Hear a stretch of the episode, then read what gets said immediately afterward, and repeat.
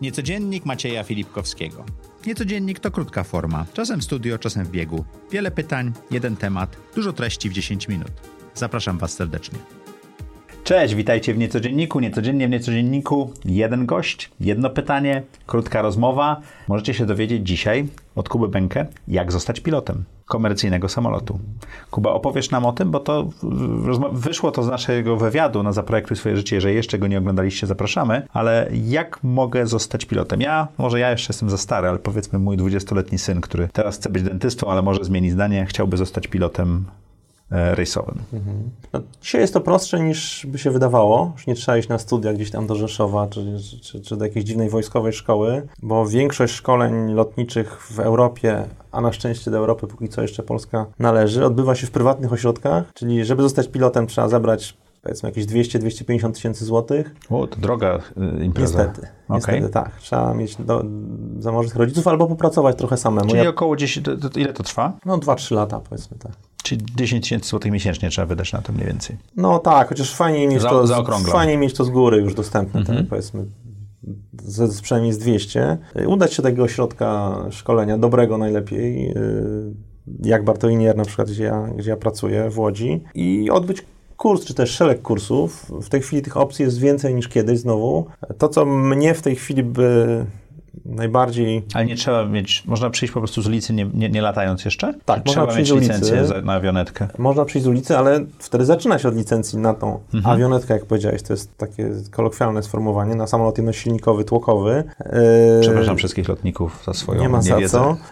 No, różne są sposoby, można to robić modułowo, jak to się mówi, mhm. czyli robić klocuszki jeden po drugim, czyli najpierw zrobić właśnie licencję pilota, y, pilota prywatnego, czyli Private Pilot License, czyli licencję turystyczną, zobaczyć, czy mi się to podoba, czy umiem i iść dalej, a można jakby skoczyć na głęboką wodę i na przykład wziąć udział w takim projekcie jak program mentorski Ryanaira, gdzie na początku przechodzi się taki psychofizyczny test, sprawdzający, czy masz potencjał, żeby być w ogóle pilotem mhm. czy, czy, manualnie i mentalnie i psych, psychologicznie się nadajesz. I jeżeli go przejdziesz, wchodzisz do programu całkowicie płatnego, niestety, ale bardzo profesjonalnego, który robi z ciebie bohatera poniżej dwóch lat tak naprawdę.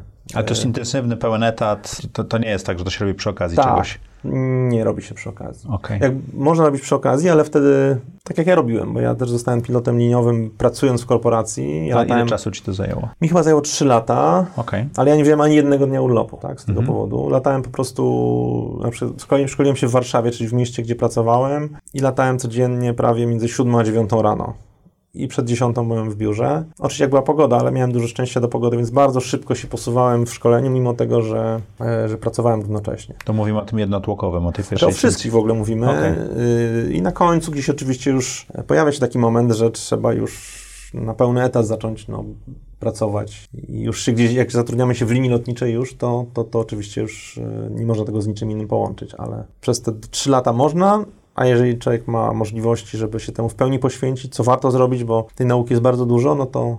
A mówisz o teście. Co ten test sprawdza, żebyśmy wiedzieli, żeby stać się? To są jakieś psychofizyczne, czy... No, psychofizyczne. Ja uważam, że w ogóle, żeby zostać w dzisiejszych czasach pilotem liniowym, nie trzeba mieć żadnych niesamowitych zdolności, natomiast nie można być jakimś antytalentem, tak? Okay. Nie można być no, manualnym antytalentem, czyli jak nie umiemy jeździć samochodem i zaparkować równolegle, no to pewnie ten samolot też będzie dla nas trudniejszy niż dla innych, tak okay. w skrócie, tak? Plus samolot wymaga jeszcze paru dodatkowych umiejętności związanych ze skupianiem się, z ogarnianiem wielu rzeczy naraz, yy, zrobieniem rzeczy szybko i dokładnie jednocześnie.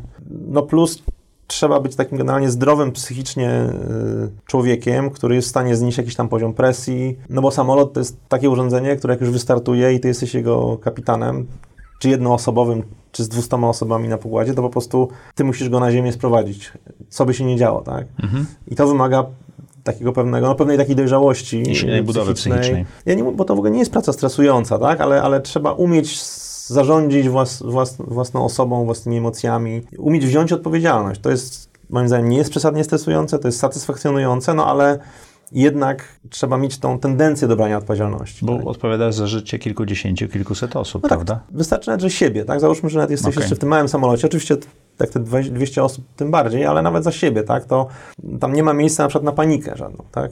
Mhm. Yy, w samolocie. No, pojawia się sytuacja stresująca, trzeba umieć na nią zareagować w sposób konstruktywny. Bo nie ma innego wyjścia po prostu, bo nikt za ciebie tego nie zrobi, nikt nie, nie może zjechać do krawężnika i się rozpłakać. No bo ty jesteś pilotem, kapitanem i tak dalej. A jakie są e, dobre strony, benefity tego, że jest się pilotem? Dlaczego, ogóle, dlaczego warto to zrobić? To w ogóle wspaniała praca. Uważam, że to jest praca y, ciekawa, y, nieprzesadnie męcząca. Czasami jest męcząca, ale... Ale nocujesz często poza domem, prawda?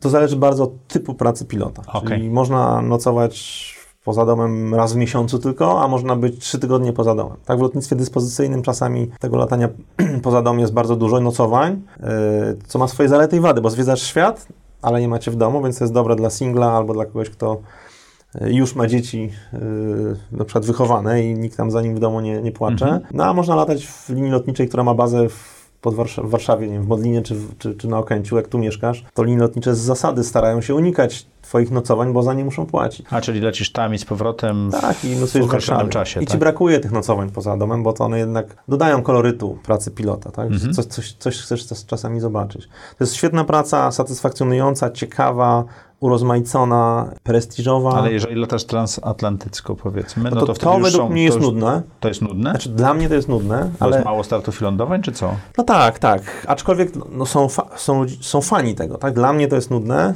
Mm, jest tym satysfakcja oczywiście przelecenia Atlantyku i coś tam się robi na tym przelocie, ale według mnie za mało. Y, według mnie to troszkę szkoda na to życia, ale mówię, to jest też tak jak w każdej pracy. Bo samolot na takim długim locie bardzo długo jest w autopilocie, prawda? Większość czasu. No tak, w ogóle samolot jest w większości na autopilocie, tylko że w przypadku wznoszenia, startu wznoszenia i potem zniżania i lądowania, no to wiele się dzieje, nawet jak on jest w autopilocie. Mhm. Natomiast na przelocie przez Atlantyk on jest w autopilocie i w, zapięty w tym LNAWie, czyli w, leci po prostu po kresce zadanej przez komputer i, i, zadaniem twoim jest właściwie wyłącznie monitorowanie, tak?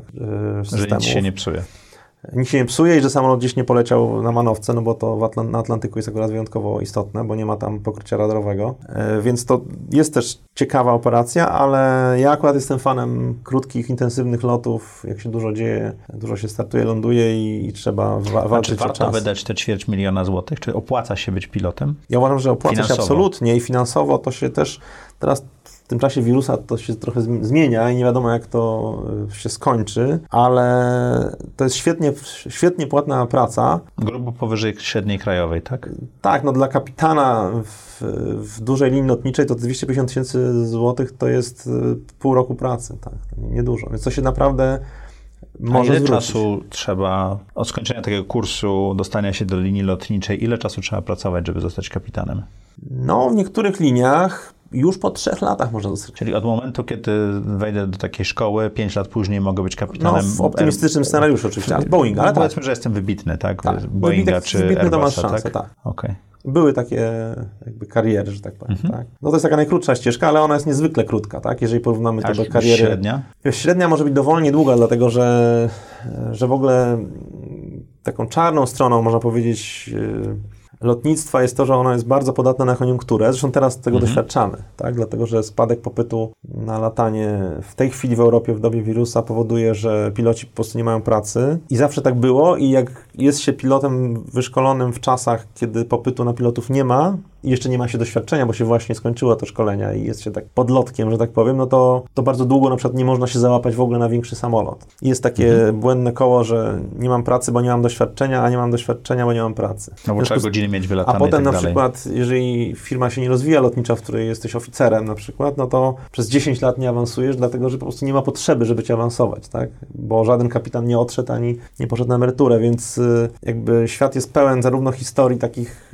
wieloletnich oficerów, którzy nie mogli awansować w ogóle bez ich winy, tak? Bo no, oni byli świetnymi pilotami, ale nie awansowali, bo nie było takiej potrzeby. A ostatnio też jest pełen 27-letnich kapitanów właśnie to, w tanich to, to Teraz pytanie, czy teraz w dobie kryzysu warto zaczynać taką naukę? No, ponieważ dużo pieniędzy. To zawsze oczywiście jest ryzyko, ale ja uważam, że y, warto się szkolić w czasie y, dołka, bo akurat za te 2-3 lata spodziewamy się, że ta koniunktura wróci, a znowu ci, co się szkolą w koniunkturze wydaje im się, że złapali Pana Boga za nogi, ale właśnie jak wychodzą ze szkolenia, to się okazuje, że koniunktura siadła. Więc ja uważam, że to jest idealny moment, tak jak trochę na giełdzie. Troszeczkę świńska górka, tak? Że... A, a, ewidentnie. Mhm. Tak jak na giełdzie, no, zaczynajmy w, inwestować w, w, dołku, a nie wtedy właśnie, kiedy, kiedy te akcje już wyżej nie mogą pójść, bo, bo już są na szczycie, więc... Czyli warto. Dziękuję ja uważam, że warto. Jeżeli myśleliście kiedykolwiek o zostaniu pilotem, to może był ten moment i ten odcinek niecodziennika, który Wam w tym pomógł. Zapraszamy.